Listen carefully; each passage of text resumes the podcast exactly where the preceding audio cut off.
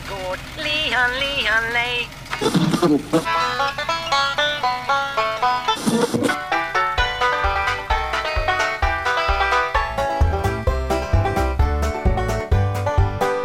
Hej och välkommen till Bondepraktikan. Podden där två medelålders män med varierande personlighetsstörning talar om landsbygd, jordbruk, skogsbruk, samhällsutveckling på ett trevligt och underhållande sätt. Allt i tonerna utav en hund som skäller. Vill du lyssna på podden direkt eh, så eh, gör du klokast i att prenumerera på mediekanalen Bulletin. Vill du avvakta och lyssna lite gratis så kommer de ut en vecka senare. Enklast söker du då upp bondepraktikan.eu. Så avsnitt 9, nu kör vi! Hej Per-Ola! Hej Rikard! Vad har du dödat? Eh, ja just det, det är så vi brukar. Jo, jag har, jag har skjutit en liten Det är pellegris. så vi brukar. Mm, jag har skjutit en, lite, en, liten, en liten pellegris. Det var faktiskt riktigt in...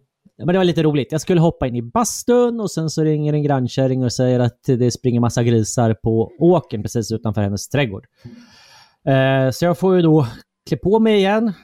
Eh, tänkte att det ser lite illa ut att springa naken där.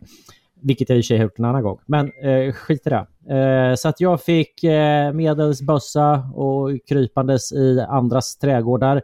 Där hela byn då hänger ut genom fönsterrutorna. För det här var ju det mest spännande som hände den här lördagskvällen. Eh, så till slut så eh, kom jag ut så att jag kunde nypa till den där lilla rackaren. Så den blev faktiskt kvällsmat igår. Så att det har jag Men dödat sen senast. Jo. Och frågan är ju då. Per-Ola. Vad, vad är du arg på? Jag är inte så, så jättearg. Jag är väl mer förvånad över hur, hur mycket skit som jag fått sen jag skrivit min text om banjohögern. Det, det, eh, eh, jag har ju sett på Twitter att man, man har börjat kalla, eller helt plötsligt börjat, eh, sedan jag skrev texten så har man bör- börjat kalla banjohögern för nazister. Eh, det finns eh, ett antal eh, helt nya, eller konton som har, blivit registrerade på Twitter bara för att skälla på mig för mina, alltså mina texter om banjohögern och så vidare. Så att det är väl, ja som sagt jag är inte, jag är inte så arg, jag är mer förvånad över, över hur mycket banjohögern har ställt till det för människor. Eh, ja, jag känner här någonstans att vi kanske behöver förklara begreppet banjohöger lite på, på uppstuds. Eh, Det kan absolut göra. Så om vi tänker så här då, ba- banjohögern är ju då, det är inte ett parti, eh, det är inte en organisation, det är inte ett intresseförening, det är inte en sammanslutning utan banjohögern skulle väl jag i alla fall kanske då kalla som ett förhållningssätt till sig, till sig själv och till andra och mellan individer och samhälle på något sätt. Eh, och Mm. några av grundpelarna är väl att man klarar sig själv i samhället. Eh, som då envisas med att de vill hjälpa folk att göra rätt. Eh, att man, man, liksom, man vill lösa sina egna problem i ett samhälle som stoppar en från att lösa ens egna problem. Eh, man förväntar sig Mm, som mm, banjohöger helt att saker och ting ska fungera. Eh, och, och man är eller man i någon mån har man blivit något mer hårdhuvad, hårdhudad. Eh, eftersom man då... Samhällets onyxbarn. Nej, det var dåligt. Ja, Det var jag vet inte. Men men just det där att man, man, man, man är lite hårdhudad eller tvingas bli det samtidigt som man då tvingas leva efter regler som är gjorda av de som är lättkränkta och, och blöder lätt så att säga. Det här är boxningstermer tror jag, men jag tror de flesta fattar vad vi pratar om.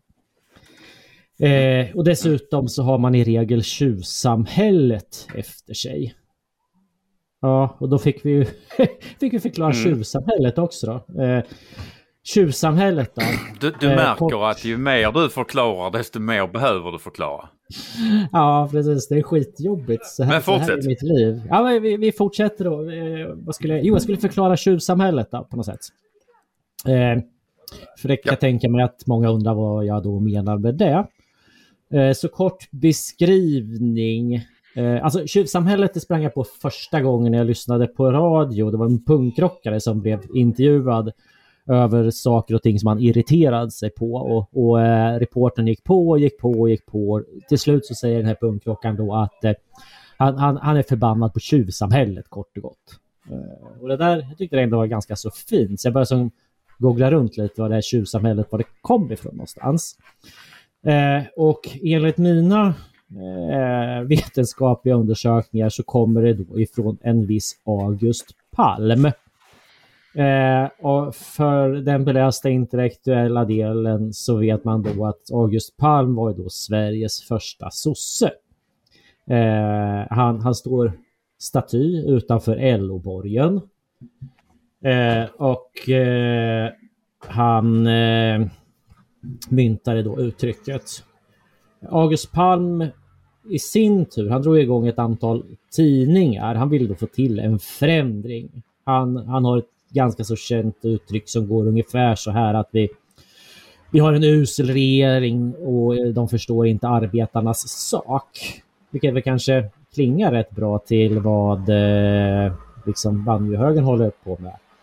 Men till slut så fick han ju då sitta i finkan eh, eftersom han smädade regering och riksdag och sen så åkte han ut för tryckfrihetsbrott samtidigt. Så man kan väl säga på något sätt att banjohögern och tjuvsamhället går lite hand i hand och att banjohögern kanske är vår tids punkrockare, jag vet inte. Men eh, ja, och apropå förra avsnittet där jag då råkade säga att om man ska förstå världen så behöver man gå på händer. Eh, så hade ju idag August ja. Palm tvingats att gå på händer. Eh, och det är väl tveksamt om han hade varit sosse. Han hade nog varit någonting annat. Ja, jag tänkte skulle åter, är det nu jag ska återknyta till förra avsnittet eh, apropå att sitta i fängelse? Men jag satt inte i fängelse, jag var bara hämtad av polisen. Jag hör mig, ja, ja, ja, men, ja, alltså jag kanske inte är så förvånad heller över att jag har fått skit. För att, alltså begreppet banjohögern har ju ställt till det för många som lever av att förstå och skapa politik och opinion. Och så länge högersidan har negligerat landsbygden eh, och vanligt folk. Lika länge har ju vänstersidan kunnat låtsas som att de här människorna inte finns. Alltså ett Bosse Ringholm syndrom. Antingen har partiet en uppfattning och då är det den som gäller in i döden. Eller så har partiet inte någon uppfattning och då finns inte frågan. Och alla i den här politiska världen har ju enats om att det verkar har enats om det här och verkat efter att det står mellan höger och vänster. Och etableringen av banjohögern har ju till viss del ritat om den här spelplanen eftersom de här värderingarna banjohögern har med att det är en dygd att klara sig själv, man vill inte vara till last men man vill ändå ha någon form av samhälle. Man vill ha asfalt på vägarna. Ehm, skolungarna ska inte behöva läsa skolböcker som, som beskriver Berlinmuren i presen så det ska finnas någon form av sjukvård när man väl in, alltså be, besöker den sortens inrättningar. Men sen vill man klara sig själv för det är en dygd. Som sagt, hämta inte systersöner på dagis. Du blir aldrig av med din hosta. Och det här gör ju att banjohögern har mer gemensamt med, vad ska vi säga, den gamla sortens sossar än, än, än eh, vad vi har med seminarieliberaler. Och etableringen av banjohögern synliggör ju ännu mer att det inte står mellan att höger och vänster längre utan det står, mer står mellan makt och folk. Och det här stör ju som sagt den etablerade skiljelinjen att det står mellan höger och vänster. Och vi ser ju också hur etablissemanget håller emot för att för att fortsätta upprätthålla den här bilden att det står mellan höger och vänster och att det inte står mellan makt och folk. och man försöker hålla emot för att vi inte ska öka vår frihet. Man försöker ju till och med minska den. Och Alltså då inte med stora reformer eller, utan med alltså små nålstick. Vi ser ju kritiken och diskussionen om A-traktorer eh, som är ungdomarnas första, vad ska vi säga, första smak, lilla försmak på friheten. Det vill man förbjuda. Och vi ser hur etablissemanget i diskussionen om vapen tycker att det, eh, eh, alltså, eller vi ser hur etablissemanget i syd, alltså diskussionen om vapen spårat ur helt jävla fullständigt. För det handlar ju som sagt inte om att de som försvårar vår rätt till vapen tycker att all, det ska vara vilda västern och alla ska få lov att ha, ha en haubits i trädgården. Det handlar om att vi vill bli sedda som vuxna människor och betrodda av det samhälle vi faktiskt är en del av. Och ett sätt de här, alltså etablissemanget genom sitt fulspel eh, försöker ställa till det för landets jägare och sportskyttar i alla fall från, från min horisont boken Vapensmederna. Den är skriven av Mattias Ståhle och Jani Pirti, Pirtisalo, Pirtisalo Salinen. Jag kanske uttalade fel men jag är, jag är halvdansk så jag får skylla på det. Jag har sett en del utdrag från boken och uppfattar det som att herrarna bakom boken har sin tes om hur legala vapen översvämmar den kriminella världen och sen överger de inte den här tesen. Trots att det saknas bevis för den. Och en som har tagit sig igenom hela boken är Anton Wallin. Hej Anton! Tjena Per-Ola! Innan, innan, vi, innan vi börjar med boken så måste vi presentera Anton. Vem är Anton? Eh, ja, jag är långtida vapenentusiast kan man säga och hobbyvapensmed sedan ja, ungefär ett decennium. Eh, och numera är jag yrkesverksam vapensmed och vapenhandlare med firman Action Reaction Sport som jag och en kompis startade. Då. Gud vad eh, spännande! Ja, och vi jobbar nästan uteslutande med modifikation och reparation av sportskyttevapen. Och det är mest eh, dynamiskt skytte det handlar om. Då. Så där man springer mm. runt och skjuter på pappersmål. Eftersom du nu får göra reklam här för din, din, din affär, får Per-Ola och jag komma upp med våra vapen och liksom få dem lite renoverade för en billig peng? ja, billig peng vet jag inte men. mot, en smör, mot en smörgåstårta. Men så, så du är alltså en av de här kriminella vapen, eller rättare sagt du tillhör det här skrået med, som, som eh, herrarna Ståhle och Sallinen eh, menar är... Ja, de här farliga tekniskt överintresserade männen som... Precis, som förser, förser, det, förser det kriminella med, med, med, vapen. Ja, man kunde ju tro det i alla fall om man läser ja. den här boken. varför, varför gav du dig på den här boken Vapensmederna? För att det känns lite som avancerat självplågeri. Uh, ja, jo, det var det väl också kanske. Men uh, jag läste lite artiklar på nätet och såg väl dem i några lite olika intervjusammanhang. Där de gjorde en del eh, olika dramatiska uttalanden om hur jägare och sportskyttar i princip är de som förser gängkriminella med skjutvapen och bär, det lät i alla fall på dem som att jägare och sportskyttar bär stor del av skulden för eh, sentida gängskjutningar och sånt. Eh, mm, mm. Det var rätt typiskt hela grejen för, för liksom hur politiska aktivister talar om vapen som inte riktigt förstår saker de vill förbjuda. Det är säkert någon jordbruksparallell där. Mm. Men... Eh, ah, nej, en, och, en och annan. En och annan. Ja, även och, Fan, vad heter det? De är ju lite upprörda över att de liksom smutskastar det jag håller på med. Um, och mm. att deras bok kan ha negativa effekter på, på civilt vapenägande helt enkelt. För det är ju, det är ju tyvärr så i Sverige nu att om man vill göra någonting så måste man ju liksom ha den allmänna opinionen på sin sida. För folk har en tendens att vilja förbjuda grejer som antingen som inte, alltså de inte ser dagligdags eller som inte de tycker anbelangar dem. Det är lika bra att förbjuda det för det skadar inte dem. Mm. Eh, mm. Och det är, inte så många, det är inte lika många som äger skjutvapen längre som det var förr. Eller ja, det tog jag i och för sig i luften. Uh, nej, det är, inte, det, är inte lika, det är inte lika många som äger legala skjutvapen. Ja, nej, ja, precis. Det har du rätt i. Ja, det är ju 550 000 pers i Sverige ungefär som äger vapen. Uh, och de hade väl, mm. ja, mm. kommer ju senare till hur många de har lyckats hitta i boken där. Och inte jättemånga. Vet man någonting om hur många det är som illegalt äger vapen? Om vi räknar allting ifrån typ handgranater och neråt. Eh, alltså det är väl en, alltså själva polisen poäng. gör väl, det är väl mera på vad de har lyckats ta i beslag och mm. sånt där de kommer ut med. Mm. Vet faktiskt inte. Spännande. Eh. Så, eller ja. Ja, nej, men i alla fall. Eh, så eh, vad heter det? Jag, ja, jag tror i alla fall på, på liksom eh, titta på grejer innan jag sätter mig in i dem innan jag kritiserar dem. Så då, det var ju därför jag plågade mig igenom den här ljudboken då.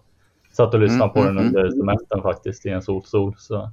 För, för att då inte den här boken ska säljas i allt för många exemplar. eh, Hur kan du beskriva liksom vad, vad handlade boken om? Ehm, I princip är det ju i princip samma gamla grepp som eh, motståndare till privatvapenägande alltid har kört på.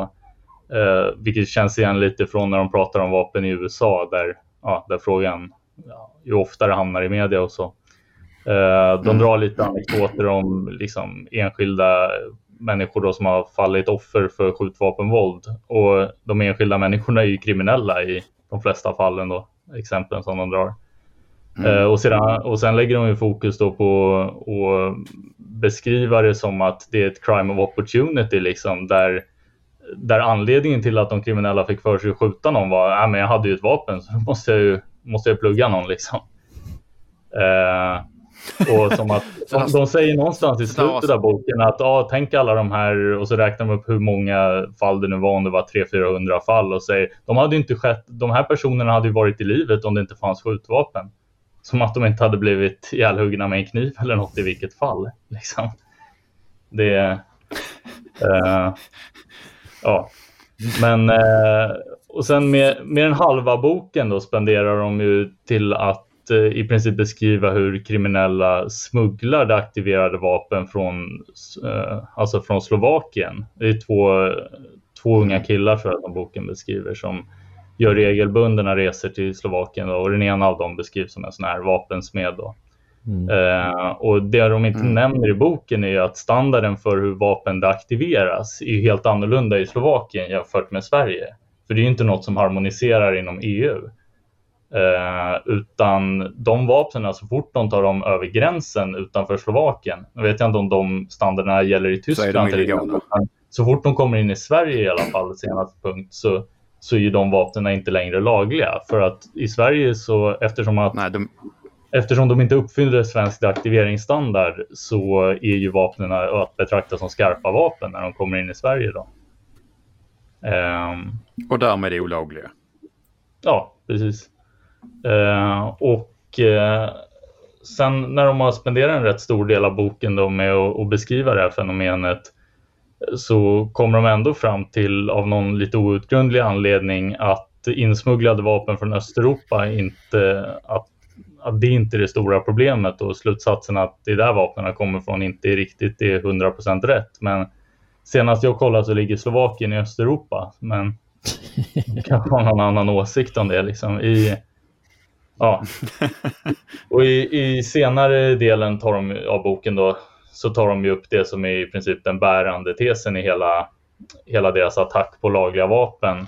Eh, och det är då att eh, den här garagevapenhandlare i princip i, eh, i Dalarna, om det var i, jag minns inte vilken ort i Dalarna det var exakt, men eh, han sålde ju vapen direkt till kriminella helt enkelt. Eh, och polisen underlät sig att dra in hans tillstånd. Jag tror de beskriver i boken till och med hur eh, om de, det var så att polisen kom hem till honom och han hade liksom gevär innanför den olåsta ytterdörren i paraplystället typ, och vapen med bortfilade serienummer på. Jag har för mig att det också var så att vid något tillfälle så hade han inte rätt larm och, och skåp och så. Det är rätt mycket grejer man ska ha när man är vapenhandlare. Det är lite mildare när man är eh, när man bedriver handeln i sitt hem. Men du behöver fortfarande ha ett värdeskåp som väger tror det ska väga minst 750 kilo. Det vi har väger ett och ett halvt ton. Eh, eller en inbyggd bunker då, i Mm. kåken eller någonting. Eh, och det saknade han, som jag förstod det. Eh, men, och vad heter det?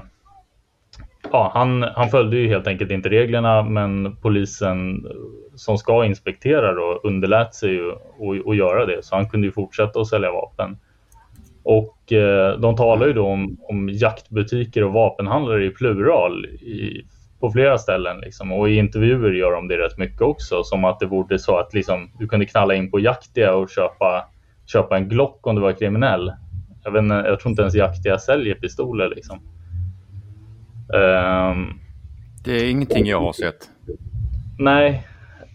Um, men de får det ju låta i alla fall som att det är flera handlare. Men det enda de har ett exempel på är en, en handlare som bedrev sin verksamhet hemifrån. Och det är, det är inget fel att ha liksom verksamheten hemma. Men det rör sig knappast om någon stor jaktbutik som de får det att låta som. Liksom. Att det är svenska jaktbutiker som säljer vapen till kriminella. Ja, nej. Så de, de bygger alltså i princip hela sitt case på att polisen inte skött sitt jobb hos ens alltså, och inte gjort någon tillsyn hos en snubbe och sen pekar man finger åt, åt eh, landets jägare, sportskyttar och de vapenhandlare som följer lagen. Mm. Ja, typ så. Men alltså, jag tänker så här då för att vara någon slags motvikt till hur... Alltså, hur när, jag, när jag liksom eh, i mitt liv som bonde håller på och säljer och köper eh, levande djur så är det till exempel som jag säger lamm så måste jag liksom registrera förflyttningen till en central databas. Till exempel när jag kör den till slaktaren så först rapporterar jag att jag har kört den till slaktaren och sen så rapporterar slaktaren att han har tagit emot dem och sen så går det här till Jordbruksverket och sen som det inte stämmer i ena eller andra änden så hör Jordbruksverket av sig och undrar att eh, du, du har inte gjort en, en, en, rapport. Vad är det som händer? Eh, liksom hur, hur, hur funkar det rent tekniskt liksom för, för en vapenhandlare? Om vi, om vi jämför dig med en bonde liksom. Häng, mm. Hänger du med på frågan? Ja, jag fattar frågan. Eh, jo, det är ju så att de får ju låta lite som att det, att det inte är någon bokföring alls som sker. Men eh, en vapenhandlare måste ju bokföra varje sålt vapen i sin vapenbok då. Det är ju en fysisk liggare som man har, eh, alltså en, en bok helt enkelt, där med, eh, med linjer i där man för in då vapen man har fått in och vapen man har fört ut helt enkelt. Ehm, och eh, Säljer man ett vapen till en annan handlare som är godkänd av polisen så räcker det med att få en, en kopia av den andra handlarens intyg och därefter så för man in att man har eh, sålt vapnet då i sin liggare eh, till den. Men, eh, men det, och det bygger ju på förutsättningen att man kan lita på tillståndet. Att polisen, att anledningen till att vi bara kan sälja ett vapen rakt av till någon Eh, utan att ringa polisen och fråga först är att de har ett tillstånd från polisen som ska innebära regelbundna kontroller. Eh, så det är ju mekanismen som ska hålla de här tillstånden tillförlitliga. Um, och när ett vapen säljs till en privatperson då, då är polisen inblandad hela vägen. Då, för då kommer ju personen med antingen ett inköpstillstånd på den typen av vapen eller en specifik utfärdad licens på det vapnet man har i lager. Då. Um, och eh, då så när personen hämtar vapnet så visar den ju upp det här tillståndet den har fått av polisen för att köpa det vapnet. Och sen så återkopplar vi till polisen att nu är det utlämnat och nu har den här personen hämtat och då får den ju hem, ja den kan ju få hem licensen innan i vissa fall. Men ja, polisen får återkoppling direkt då i alla fall på att vapnet har lämnats ut och eventuella kompletterande uppgifter de köper. Till exempel om de har ett inköpstillstånd och vad för serienummer vapnet hade. Men jag tänker på den här snubben, eh, det är synd att kalla honom för vapenhandlare då, men, men eh, han som åkte dit. Eh, mm. Så som jag uppfattade så hade man väl då som de som hade köpt vapen av honom i stort sett skrivit på en servett att det här, jag har tillstånd att handla vapen och sen så gett honom servetten och han hade kränkt bössorna. Det tror jag inte. Jag tror att han fullt medvetet, för han höll ju på, som jag förstod det, jag har ju bara läst det här i andra hand mm. från källor som inte, jag har inte läst något riktigt liksom, protokoll från polisen eller sådär om det här, utan jag läste i, ja, i, från folk som har hört det i tredje hand, mm. antar jag.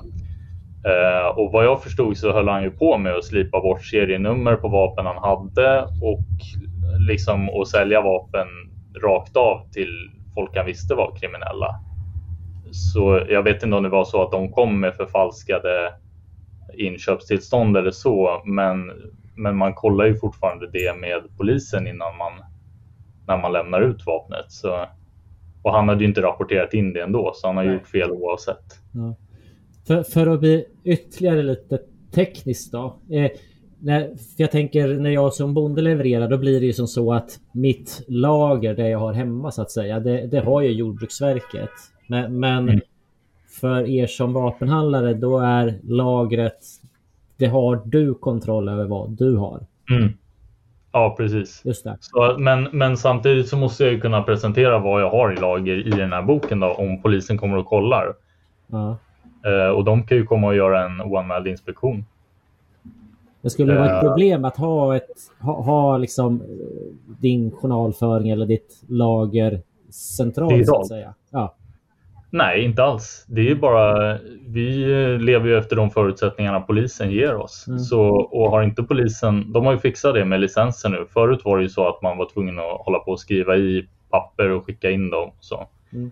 Men nu söker man ju licensen oftast på nätet ändå. Mm. Och jag, som jag har förstått det så jobbar de på att man ska, det ska finnas samma möjlighet eller ja, någon slags digital möjlighet för handlare också att bokföra sina grejer.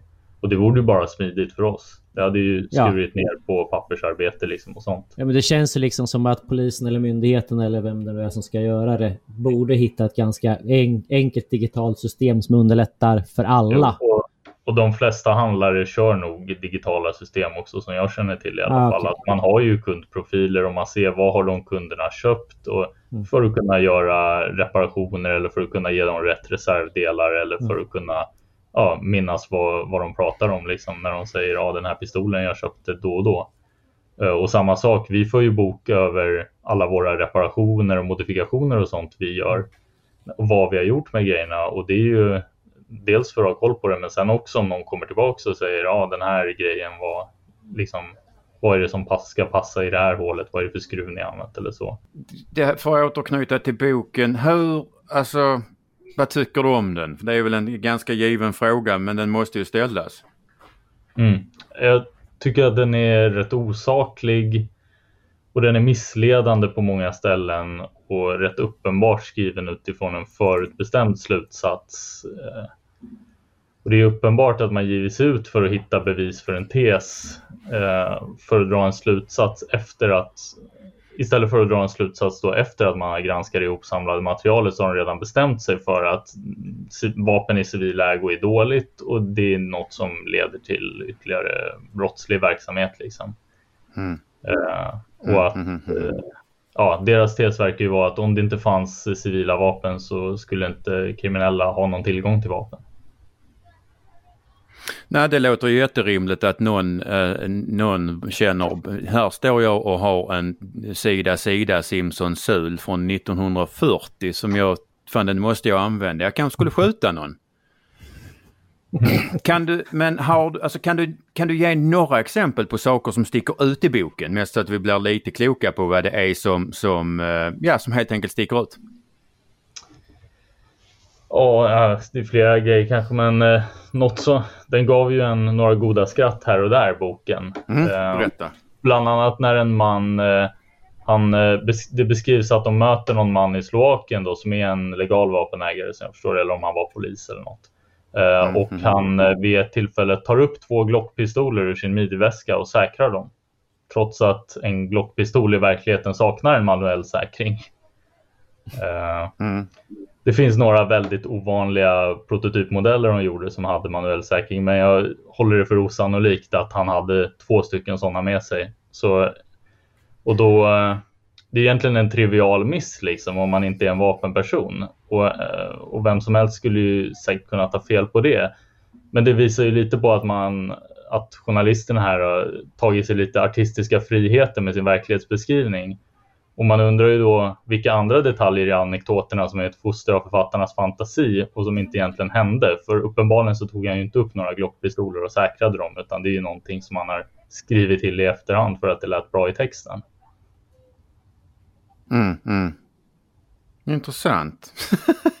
jag, och, och, och, om- och, och, och om han hade kunnat säga, eller den här, eh, eh, eh vad han nu var, polis, legal vapenägare, hade kunnat säkra dem så det är som du säger, det finns ju några prototypmodeller men de har ju aldrig varit utskickade till civilt bruk. Och det, vilket gör att det, det omkullkastar tesen att det är legala vapen det handlar om. För man har, är det så att någon har kommit över en, en, en Glock som du, med manuell säkring som du faktiskt kan säkra så är den stulen från början.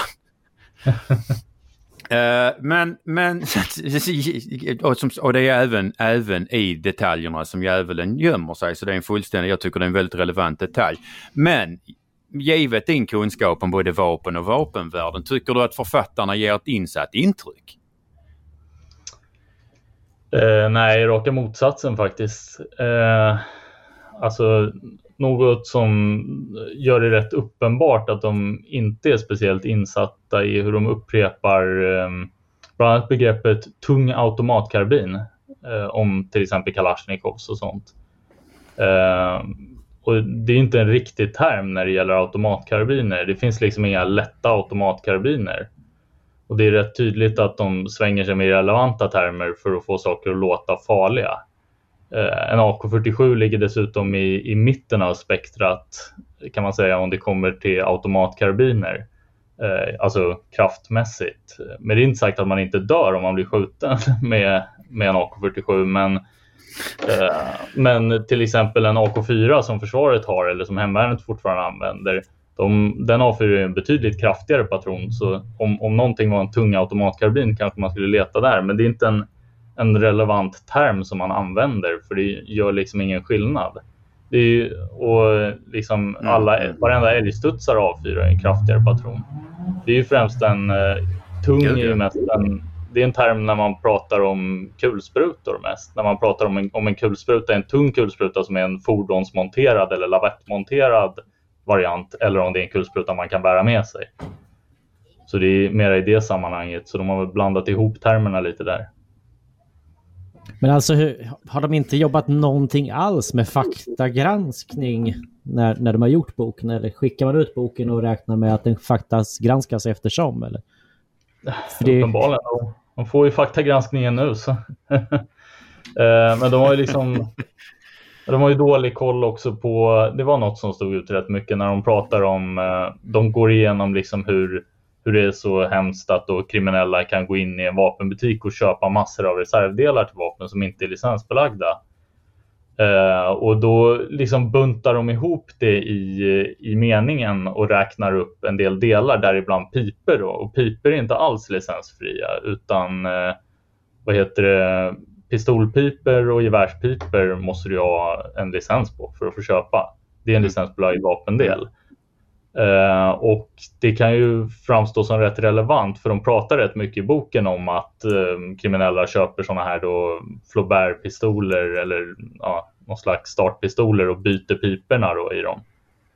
Uh, eller ja, de här Flaubert-pistolerna är inga startpistoler, men det är alltså en pistol med en instickspipa. Men i alla fall, att kriminella köper mm. pistoler som inte ska vara vapen och sen stoppar i en riktig pipa i dem och så får de får de det att verka som att riktiga pipor går att köpa över disk liksom, utan att någon ställer frågor, vilket ju inte stämmer.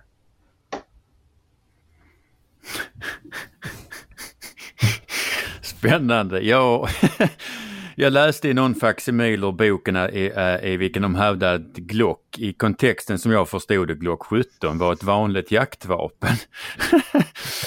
det, finns, alltså det finns fyra Glock 17 registrerade som jaktvapen i Sverige. Alltså vi har, vi har så fler, vi har fler Glock 17 stulna och på vift från regeringskansliet än vad det finns, än vad det finns registrerade som för jakt. Ändå skriver de ändå så påstår de någonting sånt här. Varför tror du man gör sådana här glidningar i texten?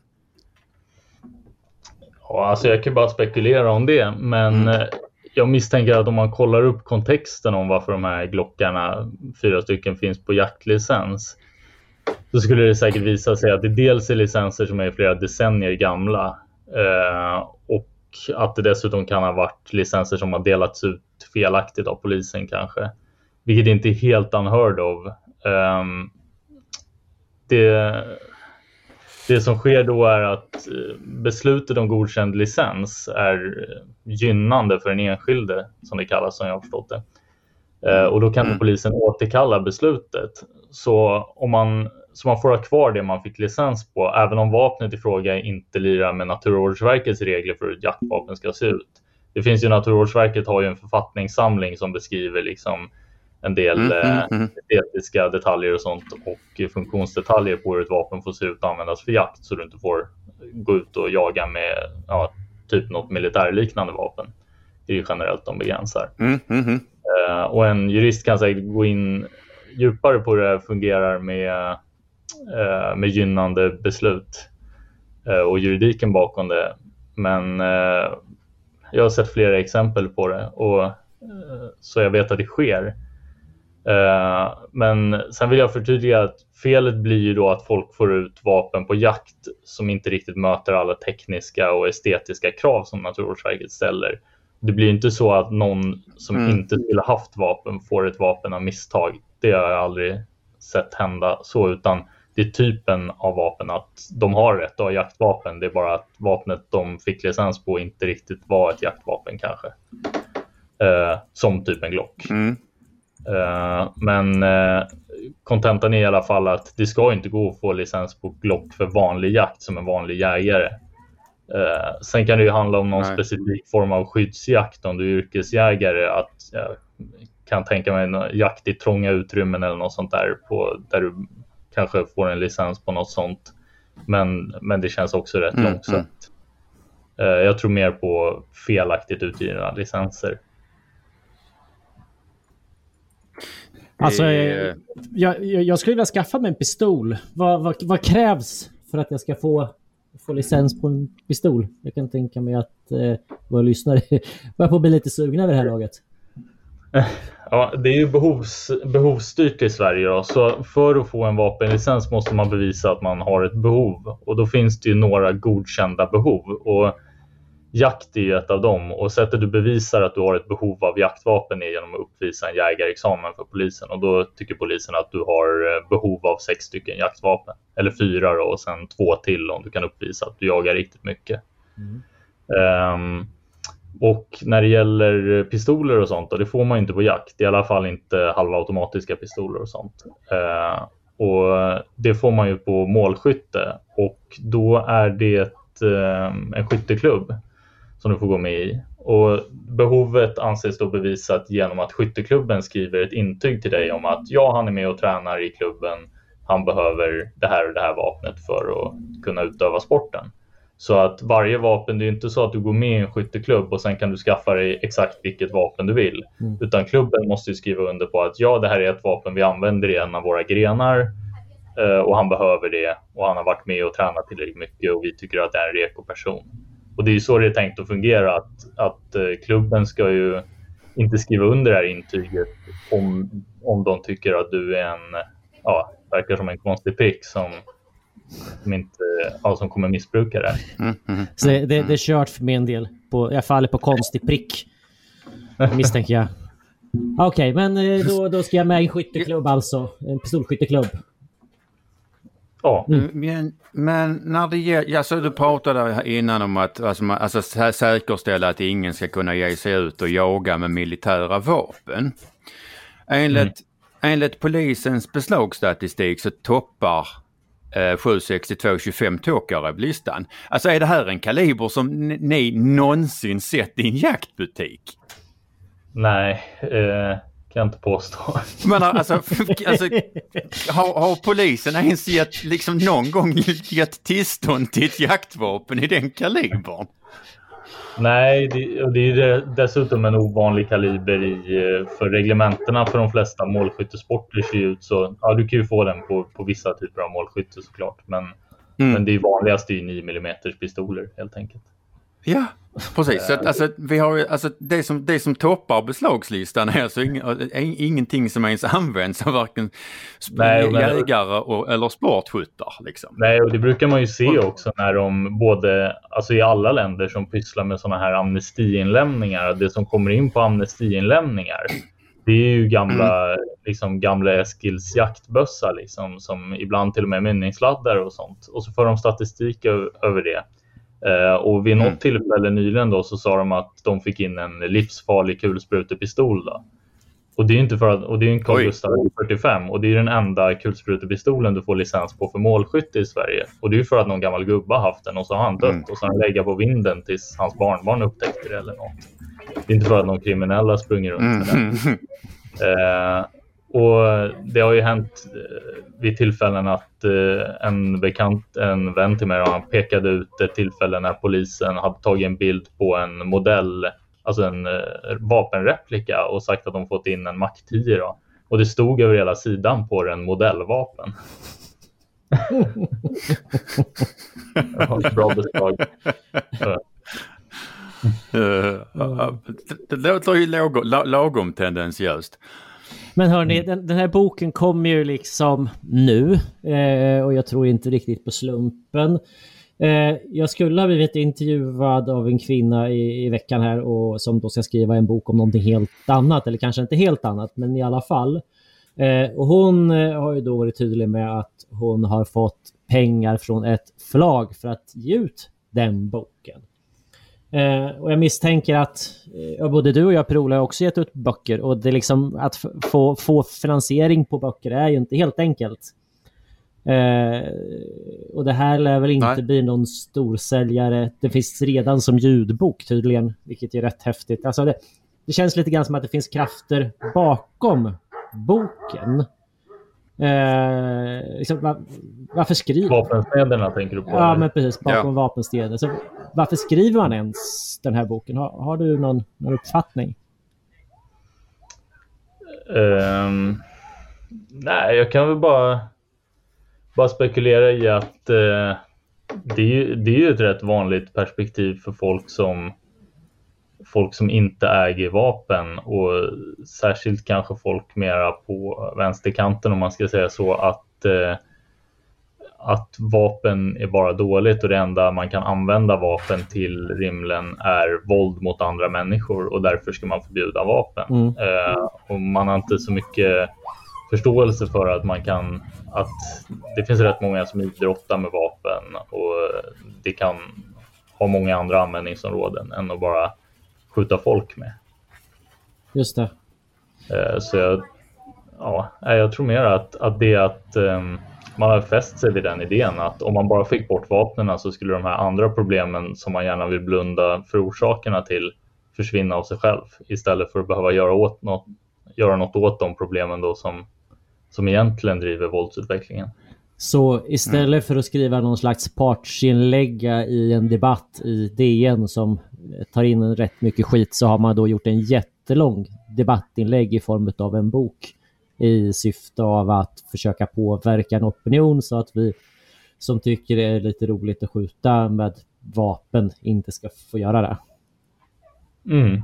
Ja, men det handlar väl också om att hitta någon slags nisch inom. Det är väl många som har skrivit om gängskjutningar och kriminalitet i allmänhet så där redan. Mm. Så de försöker väl hitta en speciell nisch och sälja sin bok helt enkelt. Just det. Sen så blir det ju lite, ja, det blir lite skevt när, när man inte kan något om ämnet man skriver om då. Alltså jag, jag skriver ju nästan varje dag på Twitter att det är friheten de vill åt. Alldeles oavsett vad det är tjuvsamhället liksom är ute efter så är det, det är min frihet som människa som vill begränsas.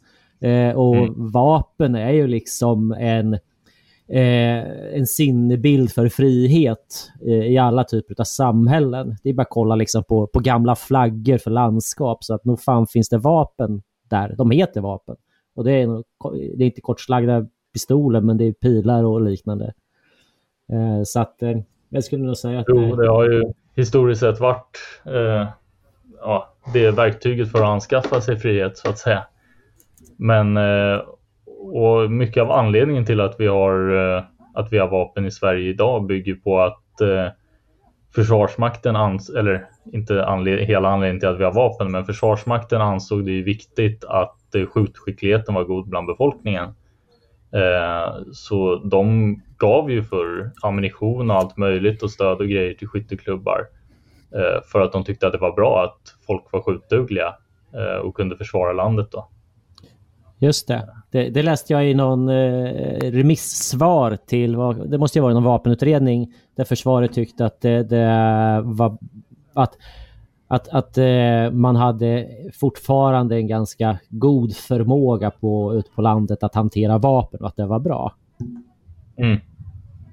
Ja, nyligen eller? Nej, alltså jag börjar på att bli gammal. Det kan ha varit kanske 7-8 år sedan. Någonting i den stilen. Ja, jo, men det var inte 60-talet liksom. Nej, så gammal är jag inte. I alla fall inte fysiskt. Ja, nej, men jag tänkte om du hade hittat något gammalt. Men, Nej. man, Nej, men det var eh, inom de senaste tio åren. ja. ja, nej, men de brukar ju ställa sig ofta faktiskt på, på privata vapenägares sida när det är någon grej de är inblandade i. Det blir väl mindre och mindre så. Men, eh, eh, men de har ju varit rätt bra på det i alla fall. Just det. Underbart. Jag är, är ganska så eh, nöjd faktiskt. Eller jag är fruktansvärt nöjd. Har du fler, fler frågor till Anton, Rickard? Nej, jag tänkte bara sådär att eh, det var väl den längsta perioden du har varit tyst här på slutet på väldigt länge. Eh, allt väl? Det har inte hänt något? Ja. Ja. Nej, i sådana fall Nej, så har jag inga frågor stroke. till Anton. Jag, jag är också väldigt, väldigt nöjd. Vi har ju som få, fått veta hur de här vapensmederna funkar. Ja, de har någon konstig beskrivning i boken också på varför de valde att kalla det vapensmeder som jag reagerade lite på. Eh, som, som handlade om att de, jag minns inte exakt vad de skrev, men det var något så här att vi förstår att det, är liksom, att det finns ett legitimt yrke som är vapensmed och det är inte de vi syftar på. Men vi väljer ändå att kalla alla de här kriminella i boken för vapensmeder.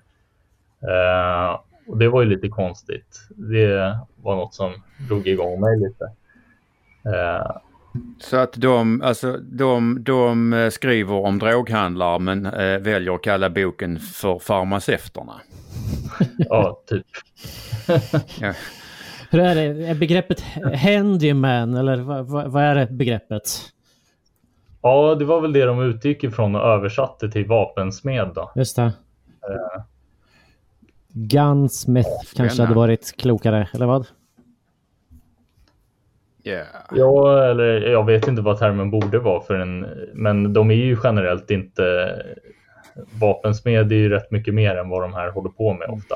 Det är ju rätt, eh, rätt grovhuggna saker ofta de gör för att få de här vapnen att fungera och de är inte säkra efter det eller liksom ja, fungerar säkert inte så länge heller ofta. Nej, alltså vapensmed blir väl gunsmith och, och, och eh, man pratar väl om handyman skulle jag säga och det översätts väl då till hantlangare eller någonting i den stilen. Så att den Ja, ko- korrekta beskrivningen på boken borde vara hantlangarna och inte vapensmederna. ja, det hade varit mycket bättre. Fast då hade vi inte fått podda nu. Det hade ju fortfarande varit en bok fylld med massa eh, tekniska felaktigheter. Men Du har lyssnat på eh, ytterligare ett fantastiskt avsnitt av Bondepraktikan presenterad av Bulletin. Idag har Rickard dödat en pellegris. Per-Ola är arg på hur etablissemanget vill minska folks frihet. Dagens huvudnummer har varit Anton Wallin, skytteentusiast, vapensmed och bokläsare som har gett oss en grundlig genomgång av boken Vapensmederna. En bok som enligt författarna handlar om hur legala vapen hamnar i kriminellas händer men som bara lyckats belägga ett enda sådant fall. Då grundat i att polisen inte skött sitt jobb. Vill du, hö- vill du höra avsnitten sju dagar innan gratislyssnarna kan du alltid teckna en prenumeration på Bulletin. Då får du dessutom tillgång till Bulletins hela premiumsegment. Med detta tackar Per-Ola Olsson och Rickard Axdorff för oss och Rickard alldeles särskilt tack till Anton som var med oss idag. Tack Anton! Tack Anton! tack själva.